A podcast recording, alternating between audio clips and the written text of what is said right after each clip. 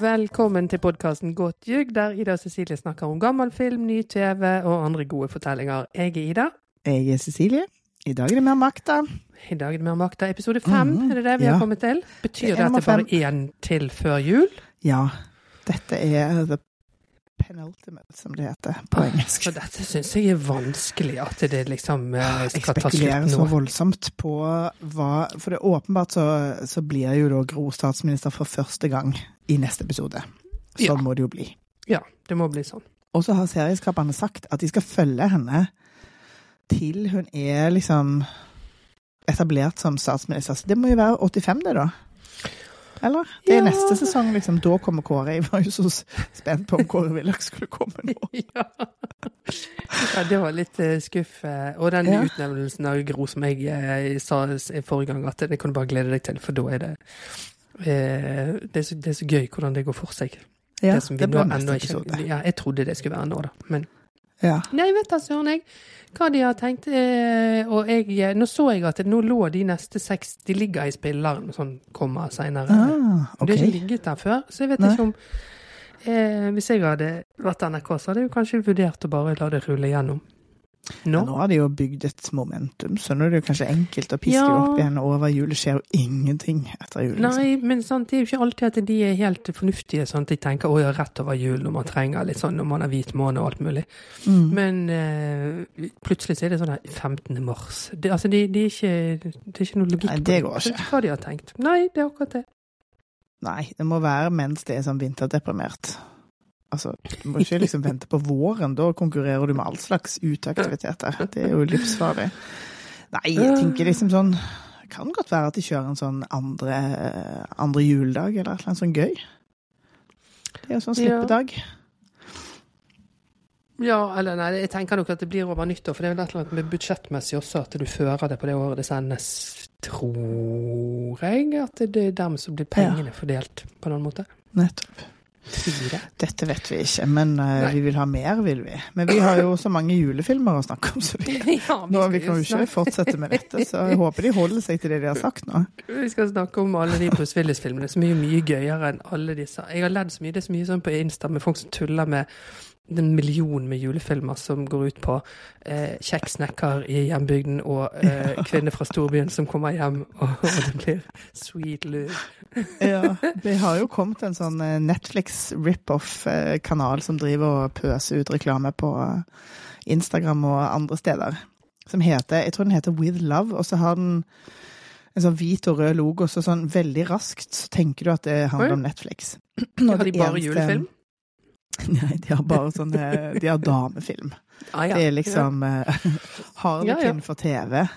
Men, eh, men alle sånne trailere som jeg ser, som uh, ruller inn i feeden min, de er av akkurat denne typen. Det er sånn uh, Veldig travel storbyjente reiser til uh, hjemby og finner ungdomskjæreste. Reise motvillig hjem er jo også Nettopp, alltid selvfølgelig. selvfølgelig. Det er jo en- enhver god helt er en motvillig helt. ja, en dum også sklir på glatte sko fra dumme bysko i første halvpart av filmen. Så kjøper hun seg fornuftige sko, og da blir det orden på det. Det, sånn er det ikke her på bygda, kan jeg si, nå som jeg har flytta hit. Det er ikke Det- Nei, Det er bare folk sitter inne i bilene sine og spyr eksos ut. Mens de venter på å gjøre andre ting. Det er det vi gjør her på bygda. Ja, det blir jo sånn. Ja. Faen meg. Har ikke elektrisk bil engang heller, så det er ordentlig eksos, liksom. Her er det eksos, ja. Det er jo en del Tesla her, så klart. Men eh, det er mye Jeg irriterer meg over folk som står og holder motoren på tomgang. Det er bare sånn helt unødvendig. Klart at bensin for en del er et nødvendig onde for å komme seg frem. Det, det aksepterer jeg. Mm. Men å stå og vente på togstasjonen med motoren i full gass, eh, sånn at du slipper liksom å gå ned før to minutter før toget kommer, det har jeg null toler- toleranse. Ja, nei, det Nei, det, Det er mangel på er- disiplin. Ja, det er mangel på disiplin, og som eh, Oddvar Nordli sier i sluttscenen her, det ville vært feigt. Det er feigt å gjøre, syns jeg. ja. Mm. Akkurat. Det er også den mangelen på disiplin. Ja. Så det Ja, hoverer jeg over. Ja, det holder jeg med deg i. Mm. Um, hva skal vi mene om denne Hvilke Google-hull Hva er det rareste Google-hullet du fant i denne gangen? Eh, ikke så veldig mange, må jeg si. Eh, eller jo. ganske mange, men ikke så veldig rare. Det var ikke noe sånn uh, Mm. aspirin-ting denne gangen. Eh, ja, kanskje Altså, jo, jo, jo. Jo, det rareste var nok eh, Ruth Engen forhold Ja. Oddvar Nordli? Spørsmålstegn. For det syns jeg du sa. Gjorde ikke du det? Eller hvem var det som hadde hatt et forhold til hvem der?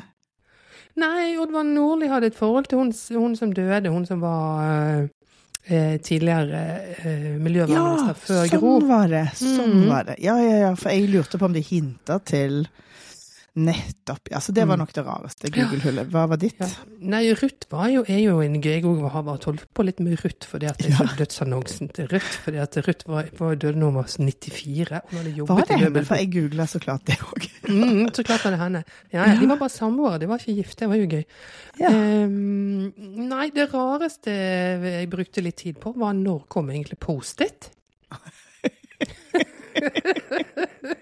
Ok, Fordi- nå, jeg, nå kom jeg på at jeg eh, googlet 'når kom kanelgifler'. men jeg fikk ikke noe svar, så det liksom forsvant litt. ja, men, men jeg er interessert i svaret. Når kom egentlig Post-it? 1980. Ja. Fordi at det var det, liksom, det limet ble jo av 3M der. Det, det der geniale limet som er på Post-Iten, som Ja, ikke setter er en sånn merke, du kan bruke om igjen. Ja. Ja. Og det er- kommer i 68. Men da skjønner de ikke hva de kan bruke det til. Nei, nettopp. Det der svake limet. For de skulle jo egentlig finne et kjempesterkt lim, og så fant de bare det kjempesvake. så det er ikke før i 1980 de relanserer dette, og det blir kjempesuksess. Fordi det henger en Post-It på den er den scenen når de går tilbake igjen når Ronald Bye eh, skal rydde unna det arkivet. Og så vidt jeg klarte å regne meg frem til, så måtte jo det være 1969. Eh, 1968. 68. Ja, for det fant jeg et sted. Ja. Ja. Og der henger det en Post-It-lapp på en sånn damekalender. Og da, da datt, jeg ned i Post-It-hullet. Det er jo det. Det, er jo, det handler jo ikke nødvendigvis om å arrestere dem for at de gjør feil, det er bare det at det vekker så mange spørsmål. Det er jo Ja. gøy i seg sjøl. Ja, ja, ja. Veldig begeistra for spørsmål. Det, og så var jeg på uh, Ronald By, som jeg googlet, og på Wikipedia der, så eh, Og dette ble, fant jeg ikke ut noe svar på, men Ronald By er altså gift for første gang med én dame, og så står det 'ekteskap annullert'. Oi. Det trodde jeg var bare sånn som, som katolikkene drev med når de måtte bevise at de ikke hadde ligget sammen. Og sånn. Og så er gift yes. igjen seinere. Ja, jeg ble så nysgjerrig. Hva kan det handle om? Ja, jeg vet. Kanskje var fylla. Hva var spion. Norges, var hva er Norges tilsvarende Las Vegas? Man våkner opp og har vært i liksom, Trondheim. I Sverige, da, sikkert. Ja, et eller annet sånt. Annullert. Ja, det må det, det må det grafses litt i. Mm. Eller opphevet, var det det det sto? Ja, det var i hvert fall, det, det vekket min interesse, men jeg kom ikke noe lenger. Yes. Ja. Så det var det, egentlig. Nei da, men, eh, Men, men kanskje det Nå ble jeg helt opphengt i det, da. Kan det ha vært så tidlig at liksom det med skilsmisse var vanskelig å få? For det var jo det her òg, før, eh, før vi kom i moderne tid. Ja, jeg vet ikke når det ble en enklere ting. Jeg tenker på 70-tallet, liksom. Mm. Dette må vi eh, Dette google. kan vi jo med fordel finne ut av, eh, Ja. kanskje. Tenk så mye vi googler, så finner vi ikke ut av halvparten engang. Men du, siden sist mm. så må jeg si at eh, vi diskuterte jo eh, Giske, heter han. Jeg vil jo si Giske, men han heter vel Giske. Sist, og du var altså, Så plutselig har han dukka opp i, som Mhm. troll i eske igjen. Men, ja, eh, han er troll i eske. han er troll i eske. Men sant han ikke har vaka liksom i det, er, du, er du profetisk, eller er det jeg som ikke følger godt nok med, eller hva fader? Ja, men dette er jo sånn, sånn han driver på, og sånn dette Ja, ja. mystiske Trøndelag holder på. Altså, Men det var så lenge siden sist. Nei da, det liksom, han kom jo ut med den der boken, og så, og så har jo det vært alt mulig styr der oppe i Trøndelag. De driver jo prøver seg hele tiden på sånne rare Det er sånn Tore Hund-aktig, hvis du husker din vikinghistorie. Der òg det drev jeg dette. Trøndelag og holdt på. Ja. Så kom det støtt eh, Eller Tore Hund var det han som var fra Vestland. I, uansett, når de drev og griget og holdt på og hadde seg, så er det jo alltid sånn Trøndelag. Det er alltid mye Trøndelag. Det Ja. er det. Ja. Og det er det fremdeles. Så derfor så, så stoler ikke jeg på at ikke han kan eh, dukke opp igjen. Nei, nei, du, du har helt sikkert rett i det. Det er bare jeg som velger å være ignorant. Jeg tar den blå pillen eller røde pillen. eller Jeg har glemt hva som var. Men nei, jeg måtte med en gang vi var ferdig. Sist gang så måtte jeg spørre svogeren min, som, eh, som eh, jo er en LO LO Papp, Oi, ja. eh, om hvorfor det var sånn. Men han delte ikke min undring i det hele tatt, så jeg fikk ikke til noen sånn god jazzing om det. Han var bare sånn, men det er helt åpenbart Arbeiderpartiet er kjempesterke der. Så bare, ja, ok, men hvorfor det, Ja, liksom? nei, det, det var ikke noe, Det er det ikke noe god samtale. Nei. Nei, men det er nettopp det som er Det er så selvsagt for de som er på Ja. innsiden, at det er ingen som stiller det spørsmålet for oss litt dumme, da. Nei, fordi det jeg lurer på, det er jo liksom i sånn mer sånn eh, Hva skal man si Det er jo vanlig Helt vanlig kunnskap at i, eh, på Østlandet og nord, i Nord-Norge så var det på en måte Arbeiderpartiet som, eh, som seilte opp fordi at eh, Skal vi si Altså Folk som ikke eide mark, fikk stemmerett mye seinere enn eh, folk Mhm. som hadde en liten jordlapp på, på Mhm. Vestlandet. sant? Sånn at eh, de som var småbønder, de kom med i første demokratiseringsbølge, og så måtte på en måte arbeiderne vente til, eh, til 1900-tallet, og da vokste Arbeiderpartiet fram eh, ut ifra det. Men midt inni Så jeg har liksom vært sånn OK, Nord-Norge og Vestlandet. Og så glemmer jeg jo da en tredjedel av Norge. Midt, denne tarmen i midten. Har, jeg har ikke noe forhold til det. Jeg skjønner ingenting av det. Jeg vet ikke hva som foregår der. Nei, og der er det jo mye storbønder og sånn òg, så sånn sett så burde jo de være eh, ikke liksom følge arbeiderbevegelsen. Altså her har Jo, har jo, vi fått så dårlig det, kunnskap.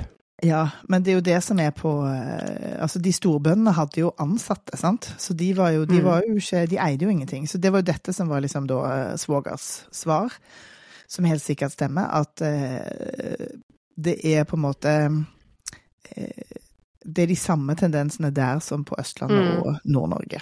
I Mm. forhold til at en arbeider på en gård er liksom og Det er den samme greia som en arbeider på Mm. Mm. Nå er, nå er jeg på sosiologisk gyngende grunn. Så vi kan godt gå videre. Men det, vi kan vel bare konkludere med at Trøndelag er et mysterium for oss. Ja, det er det. det Kanskje vi må på studietur. Ja, det er mulig vi må det. Det er jule, julebord. Julebord.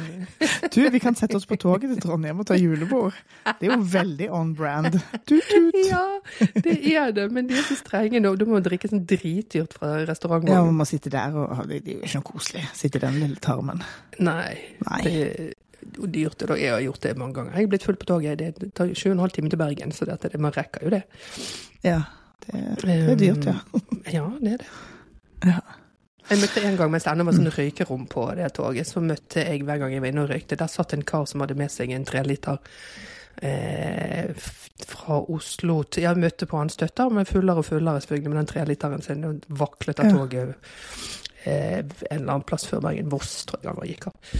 Men eh, han delte ikke den med noen. Den eh, tok han Det var hans. Oi, en treliter. Det er Da skulle du jobbe. Ja, selv om det er 20 timer, så er det Ja, du får sånn sure, sure oppstøt etter 1,8 liter, og så bare fortsetter du, for den skal ned. du sitter inne på sånn røykerom på to kvadrat.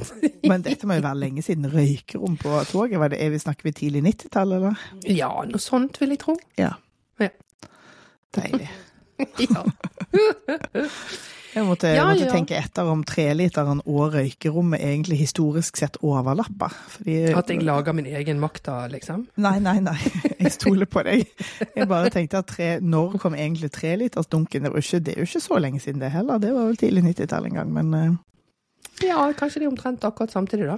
ja, det, var vel, det var vel høydepunktet i hans liv, da. Det er det du beskriver. Ennå lov til å røyke og tre liter når det kommer. Ja. Pakke det inn i stresskofferten. Ja, ja, ja. Nei, men skal vi, se- skal vi gå i gang med denne episoden? Vi Ja. får bare ta googlingen etter hvert som vi kommer til Ja, det kommer. Ja. Dette er jo en episode der denne klasehodepinen eh, kommer i høysetet. Ja. Altså, jeg syns så synd på han. Det må være det vondeste i hele verden. Ja. Jeg må moderere det jeg sa forrige gang, der jeg var litt sånn sleivete med at klasehodepine er lik depresjon. Det var litt sånn mer kompleks, for det måtte jeg jo så klart eh, dobbeltsjekke. Men klasse klasehodepine tilsvarer det vi tenker på som eh, migrene i dag, var det som sto. Og depresjon er, er tett forbundet med, med migrene og klasehodepine. Ja, men klasehodepine er verre enn migrene. Det er en egen eh, undersjanger av hodepine som, som eh, topper migrenen, til og med. Ja, så det er liksom mm. peak migrene. Det, altså uansett, jeg forsøker ikke å minimere noen ting som helst. Det ser helt Men uansett, jævlig ut. vondt Ja, har han hatt. Det. Mm. Og den Og det er visstnok da sånn her Den kommer sånn her Det kommer bare som et sånn her eh, voldsomt støt bak øyet, liksom. Og bare, Ja. Så akkurat sånn som det er her nå, at det bare kommer midt i et møte, så bare Ja. spiller det seg ut. Det ser helt jævlig intenst ut. Og Ja. det, det som er så eh, fint med måten de liksom har gjennomført det her, er jo òg at det blir på en måte en Det at han har så vondt inni hodet sitt, gjør jo òg at han ikke kan stole på noe verken utenfor hodet eller inni Mm. hodet. Ja. Em, så den der scenen Den paranoiaen som eh, tar han, det er jo ikke rart, det. Nei, det er ikke rart. Eh, um, og de begynner jo ganske tidlig med altså Aller første scenen er jo så klart at han får et sånt uh, klassehodepineanfall. Um, og så bruker de det veldig effektivt i den scenen som følger òg at det er liksom ligger en sånn irriterende lyd på på uh, lydsporet, og den de bruker jo det effektivt til å liksom trekke paralleller til den der avlyttingslyden. Mhm. Som man jo da etter sigende skal, jeg vet ikke jeg, kanskje ikke har blitt avlytta, jeg er jo ikke sånn kjempeinteressant person. Men jeg har kun denne informasjonen fra filmen. Jeg antar at det vel er sånn i virkeligheten òg. Får man- Det får man anta. Det er så fin, eh, det er så fint bilde på at Mm. eh, hvis du hører lyder på den måten, så, så er du liksom han, han kan ikke vurdere om han er avlytta eller ikke, fordi at han har den her eh, Mhm. mer personlige svakheten. Ikke sant? Og det, jeg syns også det er veldig fint, fordi at han har denne hodepinen, og så hører vi den gamle Dagsrevy-introlyden i bakgrunnen, som jeg ble veldig, veldig glad for å høre igjen. Ja. Eh, og der er det bare, bare masse klipp av forskjellige eh, stemmer og forskjellige eh, klipp som sier, eh, gjentar ulike eh, tematikker, da, med sentrale kilder i Ap-sider og og det er ulike temaer, men Nato er også oppe der, som liksom blir en Ja. stor faktor. Eh, over til at de på dette møterommet der eh, ansatte, ansatte driver skal sjekke alle lampene. Det er jo, er jo liksom en litt sånn paranoid ting, men på den annen side ikke. Det er jo helt, når, når alt det du sier i alle møter blir gjengitt i avisene tilnærmet ordrett, så er det klart du begynner å se etter mikrofoner. Definitivt. Eh, det, den sannhetsgehalten her har ikke jeg noen formening om. Eh, at det var mikrofoner, tenker du? Nei, altså på dette titt... Altså eh, hvorvidt den paranoiaen var manifestert i en sånn Altså det å leite opp disse kildene. Altså hele egentlig det som dette programmet handler om, at eh, eh, ble eh, Reiulf avslørt i denne fasen her. Mhm. Det vet jeg heller ikke. Nei, jeg begynte, men det rakk jeg ikke, for jeg brukte så lang tid på å google Post-its og diverse. Men, men jeg begynte å høre på den Edderkoppen-boken her i stedet, for det tenkte jeg at Ja. nå må jeg bare dykke ned i dette. Så, så nå må jeg bare ta for god fisk det som skjer eh, i TV-serien, da. Ja, det får vi gjøre. Ja. Um, mm. Mm. Og et annet eh, som jeg syns er veldig gøyalt eh, for øvrig, fordi at på bakveggen i dette rommet så henger det en nydelig vev. Mm. Og Gunhild Dahlberg, som jo i, i voksen alder har blitt eh, utdannet som uh, veverske, på, eh, hun har nemlig gått helt hold i gang på dette. Så hun eh, poster vilt om, om eh, vev i eh, makta. Oi, det er gøy. ja, så det kan jeg fortelle deg at dette er laget av Anne Rasmussen. Det heter Mot lyset, og det er fra 1993. Um, er dette Altså, hvor er det de sitter hen? For det husker ikke jeg. Fordi at jeg har merka meg det bildet som henger på statsministerens kontor, men det er vel et annet? Det er ikke der vi er nå? Nei, det bildet eh, minner meg sånn om et Munch-bilde nede på museet. Jeg lurer på om det kan det være det. Hmm. Men det vet jeg ikke. Nei, det, Nei, det det, der møte, det der glassmøterommet som er Ja. liksom over veien for statsministerens kontor, liksom. Ja. ja da må jeg, det, dette må jeg ta Mhm. bilde av til Instagrammen. Ja, for Hmm, det er veldig gøy. fint og veldig symbolsk og ja. øh, det liksom Og vet vi om de er laget for serien, eller fins det Nei, de er på utlån fra Krono. Å, kult. Mm. Det er gøy. Ja, du kan sjekke Gunhild sin eh, Insta. Hun har gått Ja. eh, inn i dette. Det er veldig bra. Jeg er jo veldig eh, å veve er å leve. Mm. Jeg kom akkurat fra håndverksmessa, og det ble en løper i dag òg. ja, det gjorde det, ja. Juleløper, eller? Um, ja, jeg skal bruke den som juleløper, men den er, den er beige. Så det blir sånn det, det, Jeg har allerede pynta til jul, så det er nok rødt her, for å si det sånn. Ja. Så jeg kan knapt gå ut av døra uten å kjøpe meg en løper. Det ble tre stykker i sommer på det som skulle være en hagetur. Det er jo så fint, det er så praktisk lite. Enkelt å vaske og Slippe liksom å ha duk og Ja, det, var en, det var en avsporing, men uh, kjempefint. Veldig bra tips med ja. veve. Absolutt. Det, det, er veldig gøy, syns jeg. Um, og det, det, er liksom litt sånn raknet ned, og det er litt sånn symbolsk med sosialdemokratiet som rakner, og alt sånt. Altså, det er liksom mye som er tenkt her, da, med den der vevnaden, mm. som er veldig ja. fin. Men her kommer hele regjeringen nå inn på kontoret, og eh, eh, Oddvar er jo veldig paranoid med denne Fordi at det er vel Førde som sier det, fordi at de arbeiderne er på vei ut når de kommer inn. Så tror du det vil bli avlyttet, eller? Så litt sånn ja, ja, det gjør jeg faktisk. Ja. Eh, og så sier han at ja, vi har jo en viss historikk rundt dette, så fint å få det sjekket. Og så ser han på Ronald By. ja. og da falt jeg ned i et Ronald By-hull. Ja. Gjorde du òg det? Fortell. Nei, altså litt sånn etter hvert, men ikke, ikke allerede nå. Nei, altså for det er den der avlyttingssentralen som vi etter hvert kommer til. Da de får ta det mm. når de kommer. Men alt det der er jo sant. Ja. Det er jo helt jeg, jeg, Dette var jeg for ung til å få med meg på ordentlig. Alt det der med avlytting og Arbeiderpartiet har jeg egentlig aldri fulgt ordentlig med på. Det ble vel skrevet litt om det i forhold til liksom alt det der som skjedde på 90-tallet, når alle kunne be om mappa si, og da var det jo mm. litt sånn fokusavlytting. Ja, ja. Ja, de hadde jo eh, holdt på i massevis og avlyttet. Ja. Eh, men det var jo Folkets hus som, som, var i sentrum, da, ikke statsministerens kontor, liksom. Ja. Eh, og Ronald Bye som partisekretær fikk liksom overlatt dette fra den forrige sekretæren, og i samarbeid med Pott hadde styr på denne avlyttingen. Ja, det vi ser at han, når han driver og brenner sånn i seinere mm -hmm. scener, det var vel en det, var jo før han ble partisekretær. Ja, det er akkurat da, når han blir det. Hva? Det er akkurat når han blir det, etter mine notater. Ja, jeg trodde ikke han ble før i 75, jeg. 69. Ja, 69 til 75 da, kanskje. Mm. Ok. Ja, ja. Nei, men dette sånn jeg forsto det. Ja. ja. for det var da i 68, og da hadde han altså Han satt over 31 i 68 og mhm. hadde ansvar for avlyttingen til og kom altså fra eh, veldig arbeiderkår. Eh, mm. Så det òg Å liksom ble involvert i AUF som, eh, som maskinlærling eh, tidlig i livet så Jeg, jeg syns bare det var sånn både rørende og interessant at man kunne bygge en karriere så fort i mm. partiet som, ja. eh, som noen som bare kom ramlende inn. Jeg har jo tenkt at nå må jeg lese disse romanene til Ronald Bye. Det er Etter at jeg har lest ferdig den Edderkoppen, så skal jeg kaste meg over de. Hmm. Mm. Har han skrevet romaner? Det visste jeg ikke. Ja. Jo da, de er sånn der uh, thrilleraktige, kaldkrig Og det, det, er sånn det liksom blir av. Han, han spills the beans uh, via uh, disse bøkene sine. Først gir han vel ut en, en, biografi, og der det liksom avlyttingen blir nevnt, og så blir det liksom mer og mer nevnt i disse her bøkene. da. Ja, ok. Jeg har bare liksom Den sersjanten har jeg fått med meg, men den ja. Uh... Ja, altså, den niende etasje, det en som heter, og den der avlyttingen var jo i niende etasje i Folkets hus. Den sto, mm. denne maskinen. Å, han gjør en liten makt, da. ja, han gjør det. det er gøy. Ja, det er mye som er gøy her. Ja.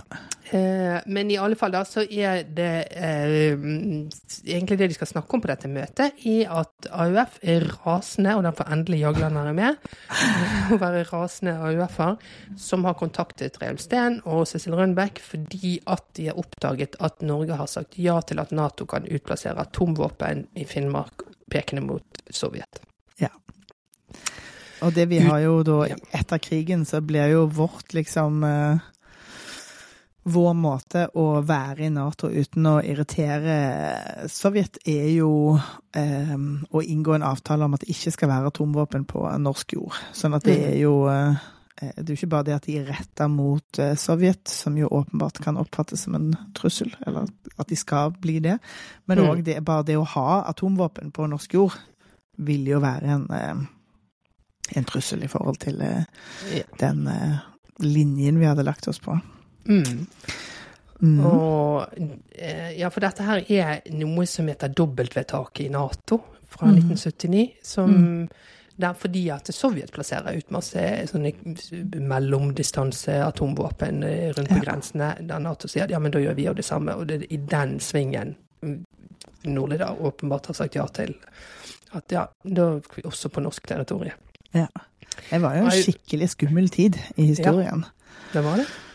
Ehm, så, og det er så vanskelig å ikke Hvis jeg kan pause litt med det der med hvordan det var å være barn på den tida, og liksom hvor mye Mm. Du var jo litt eldre enn meg, men jeg bare husker at det med kald krig var Det var sånn altoppslukende. I husker Mm. 79, da var jeg seks år, hadde jeg ikke noe forhold til det, så klart. Men i de årene som skulle komme, så var det Det var skikkelig, skikkelig skummelt. Mm, det var det. Det, var, det, var, var, det, var som, det kunne smelle når som helst. For du kunne Ja. ikke stole helt på noen. Altså Én ting er nå liksom alt som eh, gjøres bevisst, men alle de der Oi sann, vi sendte en av gårde, og da kommer de andre veien, og så har du det gående. Så Så har man det gående. Ja. mm, Så det, det var vel det nærmeste man har kommet en atomvåpenkrig etter liksom Grisebukta på altså, det som er helt uh, utrolig, er jo at man, ikke, at man bare liksom bestemte seg for at å, kald krig over, bør vi ikke være redd lenger. Det er akkurat like mye atomvåpen, og de er i mye verre hender enn de var uh, på, på løs, liksom. Du tenker på liksom glassnost og det som skulle følge? Ja, men jeg tenker at eh, de atomvåpnene fins jo. Ja. I Hviterussland og i hist og pist og ja da, det er ikke noe mindre skummelt. Nei, nei, det sitter sikkert De, de her er sånn Jeg tenker at, at em, slemme milliardærer Altså disse her de, de er ikke så jævla snille, de heller, men, men eh, Bezos og alle de som er sånn «Å, jeg skal, til, skal opp i verdensrommet, er utrolig opptatt av sånne raketter. Så de er ikke så lange. Jeg har lyst til å ha mitt eget atomvåpen, bare fordi at Ja. du kan det, liksom. Ja. Det, dette føles som at det har vært tema for minst én James Bond-film allerede. Å ja, mange. Ja, ja, ja. Absolutt. Jeg vet ikke, jeg, vet ikke helt om jeg klarer å romme det, fordi jeg har nok liksom med bare håndtere tanken på Iran, så går jeg i dørken som eh, Oddvar Nordli på Eidsvolls plass. Så jeg må liksom bare ta det litt sånn pø om pø. Ja, nei, det er skummelt. Og det var i hvert fall skummelt på dette tidspunktet her. Så, Ja. men, men det er klart AUF, som jo eh, både vil ut av Nato og, og alt, for de er jo dette her helt uhåndterbart. Ja. Og eh, Rundbekk mener at vi risikerer at AUF melder seg ut av partiet. Liksom i samlet tropp, liksom. Ja. Eh, mener hun. Eh, fordi at de har så kort lunte når det kommer til Nato. Eh, vet Absolutt. ikke hvor Jeg å og tenker tenke på sånn, hva skal man egentlig med de der ungdomspartiene? Spiller jeg sitter og tenker på, fordi de, det er jo så mye stress med de. Nå er jo ikke jeg eh, så politisk eh, aktiv, men det var sånn, sånn er det jo i alle, i Mhm. alle partier. Det er klart det er tilvekst og talentlag som skal opp og frem og eh, alt det der. Men det er jo mye pes med de der ungdomspartiene. Men du må jo fange de tidlig, sant? Fordi at det, det, som vi har snakket om tidligere hvem i alle dager er det som vil inn i politikken? Ingenting av dette virker tiltrekkende. Du er Ja. nødt å få de så tidlig at de tror det er normalt, liksom. Det er ikke sant. Pluss at de har ikke hatt tid til å ta en utdannelse fordi de bare har gått på sånne mm -hmm. X-fil, og så er det bare sånn broilerkurs og eh, liksom. Jeg tror helgekurs du- du- Du er helt avhengig av det, tror jeg. Ja, Ellers blir det ingen som gidder å ta over. Antakeligvis, Men, men eh, utrolig slitsomt. Ja. Ja, er du gal. Ja. Eh, Men tror du, tror du Jagland kommer til å protestere på denne måten å bli fremstilt på? ja, det blir spennende. Det gleder jeg meg til å se. Det vi får, uten tvil en ny, ny melding fra han. Det vil jeg tro. Gud. det, det, og så blir det en liten, det er liksom sånn her gøy scene som jo egentlig er en liten recap, sånn at vi skal huske på hvorfor eh, Gro ble sparket ut, og med den der eh, reshufflingen av regjeringen. Fordi at eh, eh, Reiulf spør Oddvar Nordlium, så, hvorfor, du, hvorfor har du meldt fra til Nato at du syns dette er greit. Nei, det var ikke jeg som holdt til dette, det var forsvarsministerens bord. Og Stoltenberg sier ja, det var ikke jeg som var forsvarsminister da i det tidsrommet, det var Rolf Hansen. Ja, og Rolf sier ja, men det var Johan Jørgen som holdt i disse eh, prosessene. Og det fant jeg ut at det var eh, Holstad, selvfølgelig, og han var statssekretær ja. da. Eh, og så jobbet jeg med å sette meg inn i det, men så skulle jo plutselig regjeringen skifles om, og jeg måtte bli miljøvernminister. Så det sier men litt sånn bitter, eh, poengtert, eh, Ja, passiv-aggressiv tone. Man får jo man får si at det er å bli eh, nedjustert å gå til, eh, Mm. til miljø fra, fra forsvar.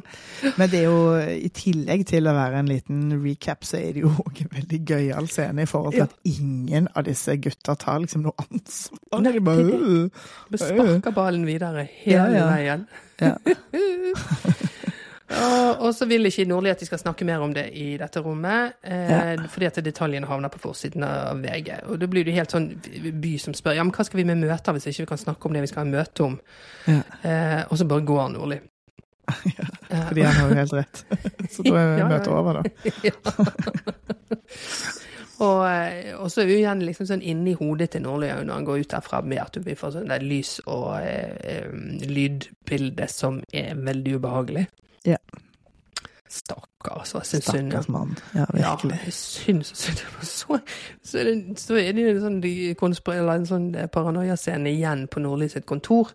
Der eh, Gjerde og By er der også, og, og eh, noen er på telefonen, og Nordli bare avbryter, og så sier han 'Hør da, By, hør, hører du klikking?'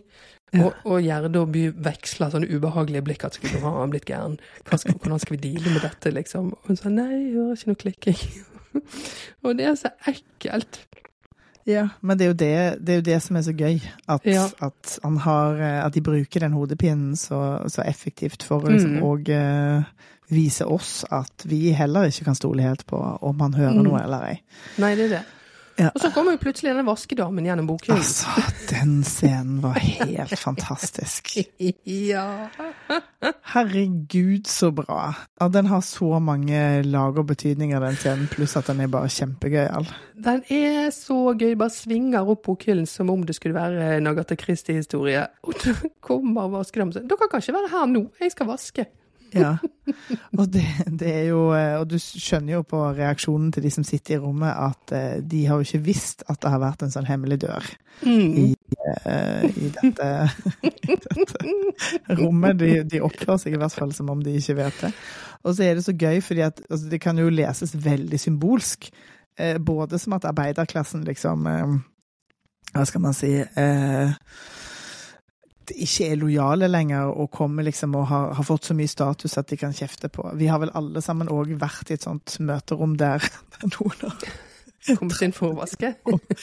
kommet for å vaske, og man bare ja, Kjernevirksomheten her er jo å ha disse møtene, så Men eh, det, det, det har et symbolsk lag, pluss at det så klart er bare veldig, veldig gøy. Ja, det er veldig gøy. At, ja, Um, og den bokhyllen skal vi jo komme tilbake igjen til seinere. ja. Og nå, nå kutter vi over til Arvid Engen, som, som, for han er jo vår fortellerstemme her. Det Ja. Han leder oss jo gjennom, så, som, som jo bare påpeker at jeg skjønner godt at Oddvar tenker som han gjør, jeg, og han har jo Ronald By tilbake i huset også. Eh, og så er det jo han som er ansiktet for disse greiene her. Ja, dere har jo fått med dere det. Og så kutt tilbake da, ti år tidligere. Ja. Eh, og eh, der vi liksom går inn i, i det bildet, og det var der jeg havnet i Post-It-hullet. For der har vi en Post-It-lapp. Der er Post-It-en, ok, skjønner. Fikk ikke med meg. Ja.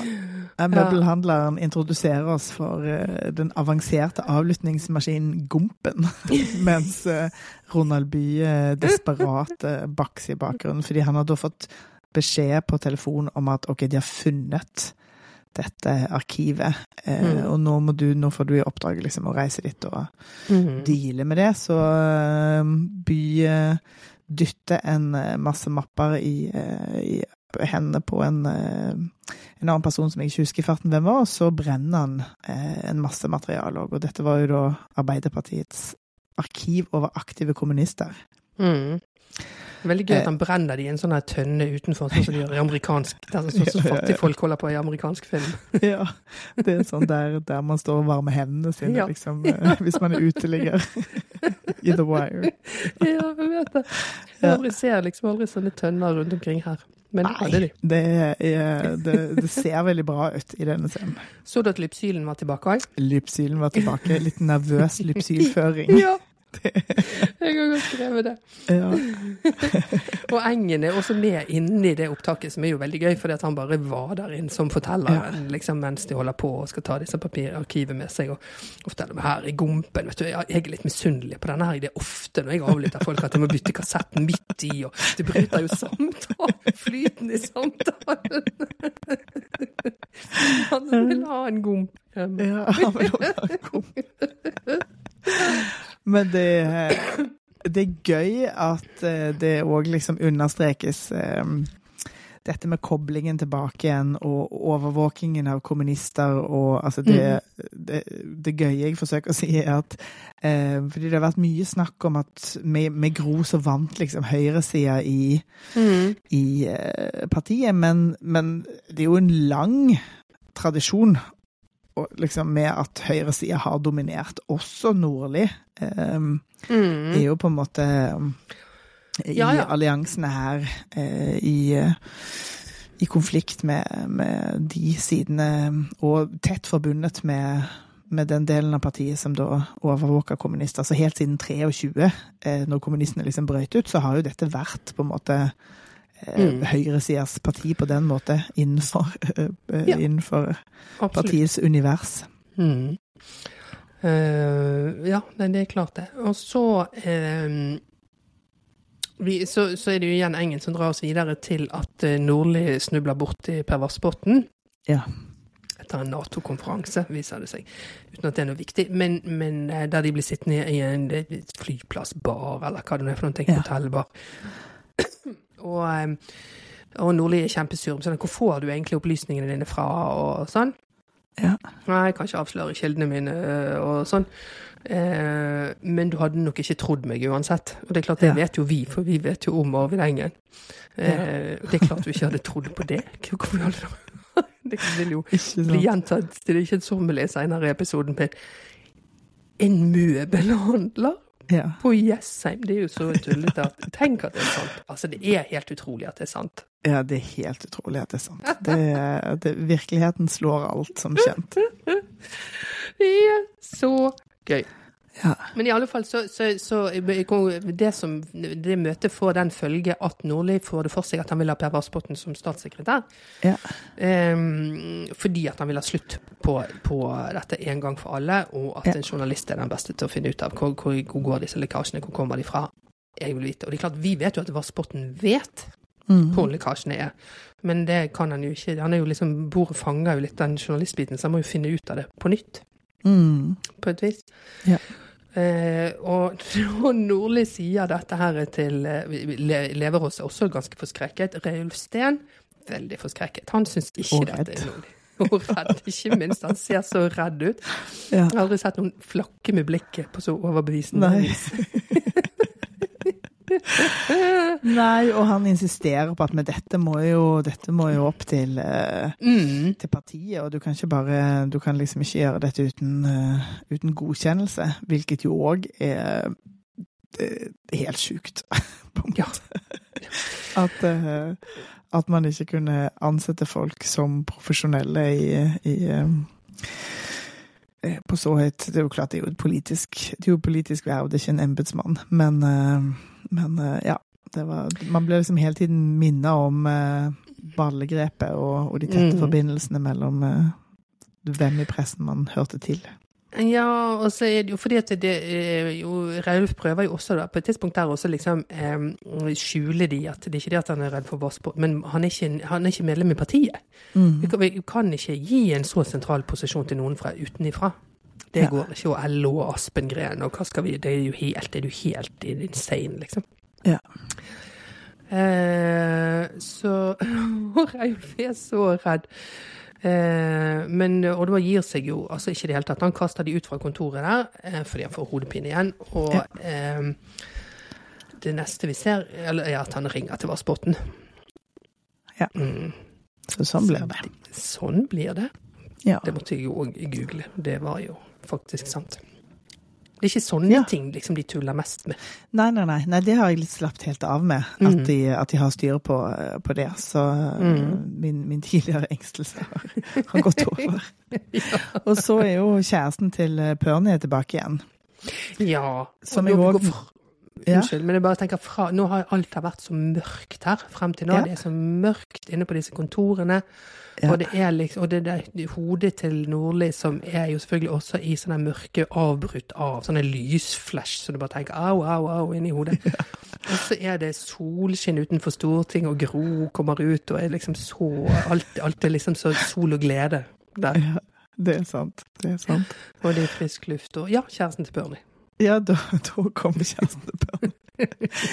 Som jo Altså, Arvid Jacobsen er Dette er også helt nytt for meg. Jeg følger jo åpenbart ikke så godt med at han er pappaen til Frode Jacobsen, eh, som er Oslo Aps eh, leder. Så her er Ja, det hørte jeg i en pod. Mm. Ja, jeg leste det i avisen i dag. Det var spennende. Mm. Um, mm, mm, mm Unnskyld, nå mistet jeg Jo, han, eh, han, er jo der for å fange Gro og invitere ja. henne til årsmøte i A-pressen. Ja. Der det både skal være redaktører som liker deg, og de som er skeptiske. Mm. Og de som syns at du burde være mer, mer gulv enn mm. uh, en det du er. Ja. Uh, da blir jo Gro litt sånn Hun vil jo ikke liksom ses på som noen som innynder seg, sier hun. Så hun eh, krever en konkret invitasjon for at hun skulle liksom vurdere det, og da sier, da sier eh, Jacobsen ja, nei, men da vil vi gjerne invitere deg til å høre hva nestlederen i Arbeiderpartiet syns er utfordringen i partiet, og hvordan han har tenkt å løse de. Um, og da ble hun veldig glad og, og sier ja, men det kan jeg godt tenke meg. Og Det er jo, en, det er jo skrikende illojalt og ikke liksom ikke avklare det med sjefen ja, sin. For hun har jo allerede spurt har du snakket med partikontoret. Ja, Nei, det har hun ikke gjort. Men det som er så gøy her, er at nå begynner de jo de liksom å, å spille ut eh, Gro sitt spill, selv om det fremdeles er jo veldig sånn underspilt. Men, ja. men, han smiler sånn lurt Noen sier ja, men det må være noe konkret dere vil høre fra meg. da. Og så smiler han så lurt og sier OK, jeg skjønner hva du sier, jeg skal ikke eh, stille deg til veggs på det, men jeg, jeg, jeg, gir deg det du trenger for å ja. gjøre dette illojale som du nå skal gjøre. Ja. det, det, det. det er ikke mye av en ryggdekning, vil jeg jo si. da, fordi det er jo, det er jo snarere enda mer illojalt når du vet, ja, vet at det er det som er bestillingen. Det er kjempegøy. Men hun ble så, glad, og ja. ja. ja. Hva skulle du si? Nei, det falt vekk for meg. Men det er veldig gøy. Jeg bare syns det var gøyalt. Det er gøy med de to. Jeg syns det, det, spiller så godt med de to. Ja, de er veldig fine sammen. Mm. Eh, og han er jo liksom hennes eh, lille sånn eh, eventyrhjelper i denne sammenhengen, eh, ja, fremstilles det som. Mm. Eh, og fordi at Gro er en kvinne, så avslutter hun eh, med en positiv kommentar. Og så sier hun ja, nei, men det er bra, da Så sier han da har vi en avtale, og så sier hun ja, jeg hører med Arne Olav. Fordi ja. selvfølgelig så må man så må man reise hjem og spørre er det, skal vi logistikk, og er det du som kan du være hjemme og fram og tilbake. Eh, mm. Man, det, man har aldri sett den scenen med en mann, for å si det sånn. Nei, det hadde man ikke. Men eh, nei, så jeg vet ikke egentlig hvorfor de trengte den. Jeg føler ikke at den er For tidligere, når det har vært sånn henvendelse til Arne Olav og sånn, så har det, har det mm, vært så meningsfylt. Eh, jeg vet ikke om vi trengte den her, men Nei, det var vel bare en slags eh, De har jo valgt den veldig subtile måten å tematisere akkurat det på, mm. eh, som dukker opp i sånne kommentarer. Så hvis de ikke gjør det sånn i annenhver setning, så tenker jeg at det, mm. det er liksom greit. Én per episode er greit. Ja. Og så kommer ja. det mer, for det kommer det, rett påfølgende her, så kommer det en til sånn scene som understreker at Gro, Gro hun skjønner nå åssen spill spilles, liksom. Fordi at hun ja. skal opp til Rolf Hansen, som jo da har litt motvillig overtatt jobben hennes. Og som har måttet ansette seg en, en, en statssekretær, eller hva det er for noen ting. Eh, fordi at du gjorde jo så mye, du gjorde så utrolig mye her. Det går ikke an for et menneske. Jeg skjønner ikke hvordan du klarte det. Så nei, nei. ja. Men eh, det han vil snakke om, er Alta, og hvordan de skal deale med protestene. Uh, og der hun er helt sånn krystall på Nei, vi må bare eh, sørge for at de som protesterer, føler at de har blitt hørt. Ja. og han sier ja, men ikke nok til å stoppe utbygging, da. Nei, det er riktig. Ja, og hun svarer på det på en veldig sånn elegant mm. måte, fordi hun bare sånn knikser litt med hodet på en mm. måte som uh, gjør at akkurat Det er en sånn balanse man skal nå der.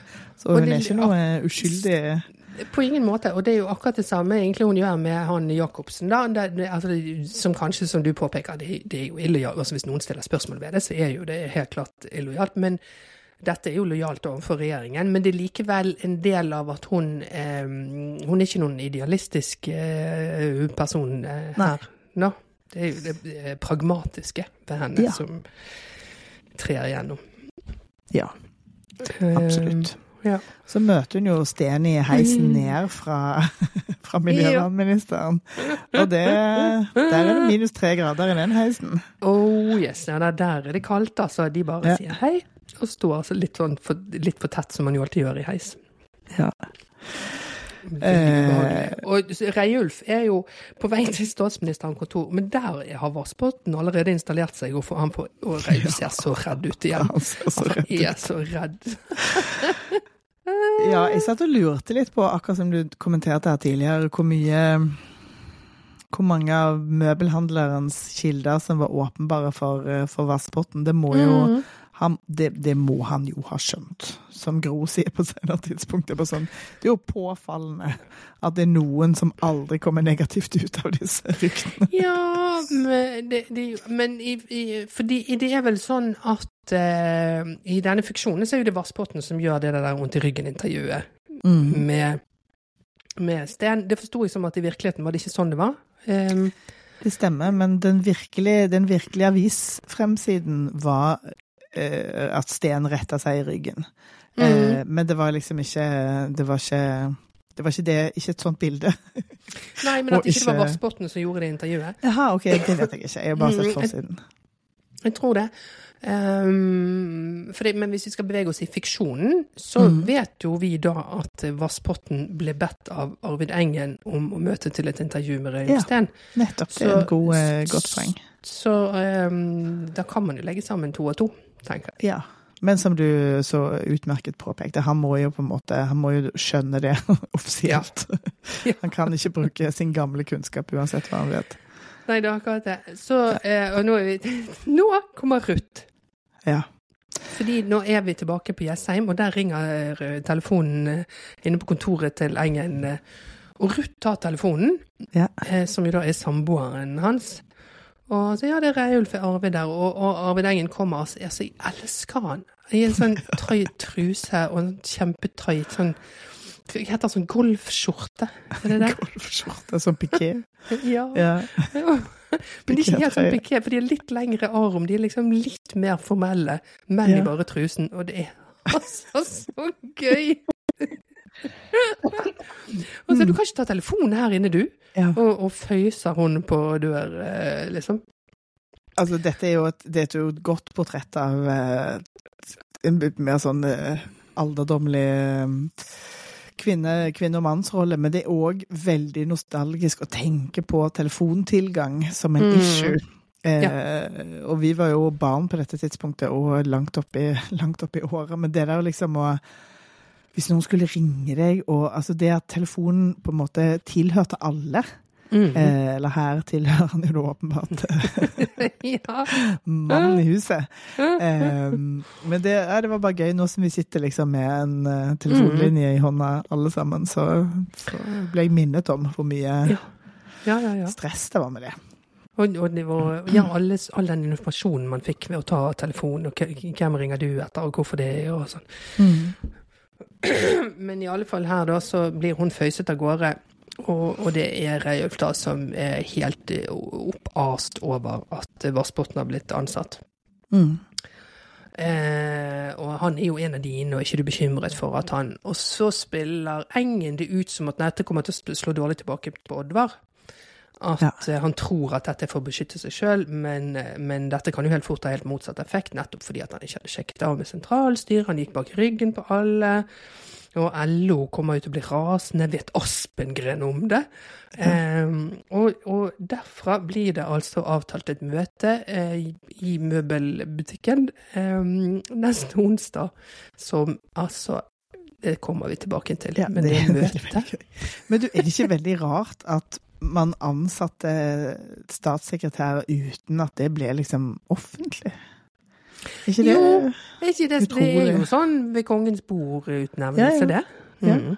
Så eh, helt eh, sannhet er vel kanskje ikke dette. Men jeg mener det Nei, bestemt at det er sånn fredagsnyhet. Absolutt, det er det. Mm. Det er jo Mm. liksom en formalitet, og det burde jo være interessant for offentligheten, siden det er et politisk verv. Og... Ja, nei, det var bare så veldig rart at han ble så overraska over det, men det er jo veldig fint for historien, så klart. Mm. Ja, jeg tror her har de tatt seg litt frihet. Men parallelt med dette så er nemlig Gro på vei til Dovre eh, Ja. og sitter og jobber flittig på toget eh, Ja. til dette eh, A-pressemøtet. Ja.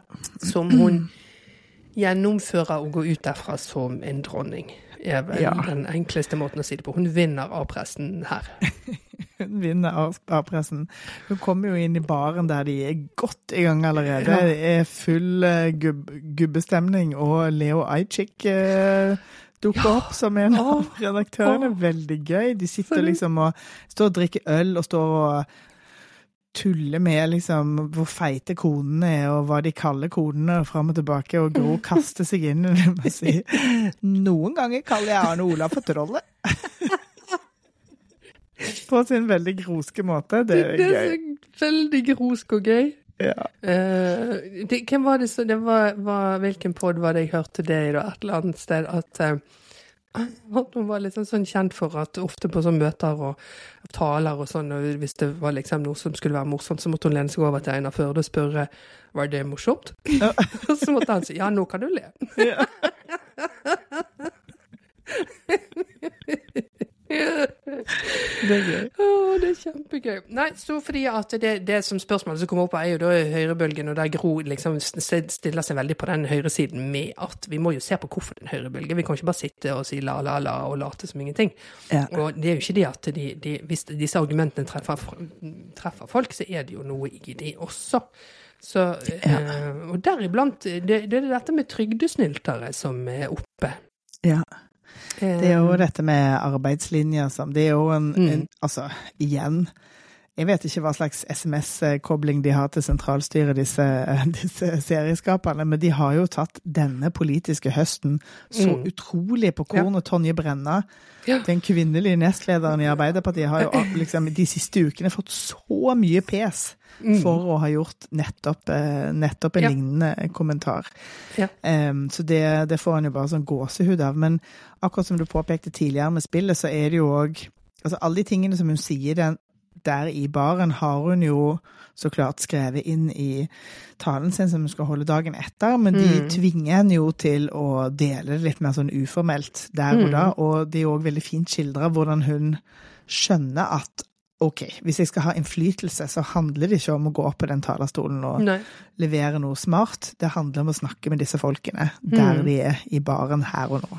Ja. Em, Og hun gjør det Ja. så bra, og de bare sitter, og det er sånn hallelujastemning, og de sitter og nikker. Og så er det en av de som sier ja, avslutter det med en skål, og så sier de alle sammen skål, men så gjør det, det Altså, dette er så genialt gjort, for de går over i en sånn mannskor. Nydelig skål, fra at de sitter og bare sånn skål, så blir det lagt en sånn nydelig flerstemt mannskor. Skål! Og det er altså Nei, det syns jeg var elegant turnert, altså. Det ble jeg så glad for. Ja, det, og Og så sier den- hun ja, det var hyggelig, da. Ja, det var hyggelig. Men den som tar initiativ til skålen, sier òg 'skål, alle mann'. Ja. Eh, som jo Det òg det. eh, Det er jo, kan man jo tolke på mange måter. Her tolker jeg det bare som hun er en av, hun er en av gutta Ja. i denne sammenhengen. Ja, ja. Nå er hun nede på innsiden eh, hos de nå. Absolutt. Så nå drikker hun ikke Solo lenger. Nei da. Fått seg øl og snittglass, da. Skal Ja. sies. Ja. Pikøl. Overdrevet. Ja, pikøl. og nå er vi tilbake igjen til Ruth som steiker vafler. Ja, nå er det krisemøte i Chesterfield-agenturet. det ble jo senere kommentert at de selger ingen møbler. Nei. Eh, og de, de bruker jo denne butikken som møtelokal. Altså den fins ennå, denne butikken, vet du det? ja, Sånn at det er kanskje dit vi må reise på studietur. Åh, ja. Det er jo midt mellom oss. Ja, det er klart vi skal det. Jeg henter deg på stasjonen, så kan vi kjøre til. Jessheim. eh, Det er klart vi skal dra til Jessheim. Kanskje de har hatt litt sånn makt av turisme, tror du det? Ja, det vil jeg tro. Det kan ikke være bare vi som har tenkt denne tanken. Nei, nei busstur til Jessheim. Ja, med kanskje de har løpere òg.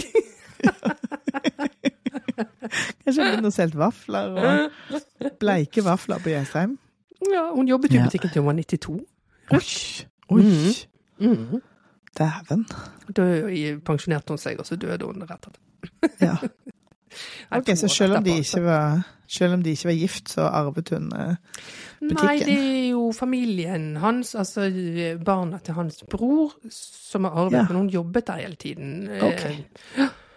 Ja. Ehm, så om hun har arvet noe, det vet jeg. De hadde jo ikke noe barn, noen av de, etter det jeg forsto. Nei. Mm. Spennende. Ja, og spennende. En sånn fyr som Engen ikke gifter seg. Ja, hvordan da, tenker du? Ja, en sånn konservativ fyr, liksom, og Ja, sånn, ja. tiden og sånn, å være samboer. Det bare slår meg ikke som liksom Ja, det er jo sånn sett veldig progressivt, det er sant.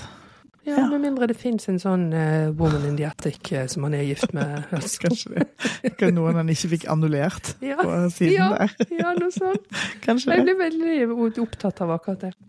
Ja. Men uansett, da. Hun holder på å, steke vafler og uh, ser på Nordli på TV og smiler som forelsket til skjermen.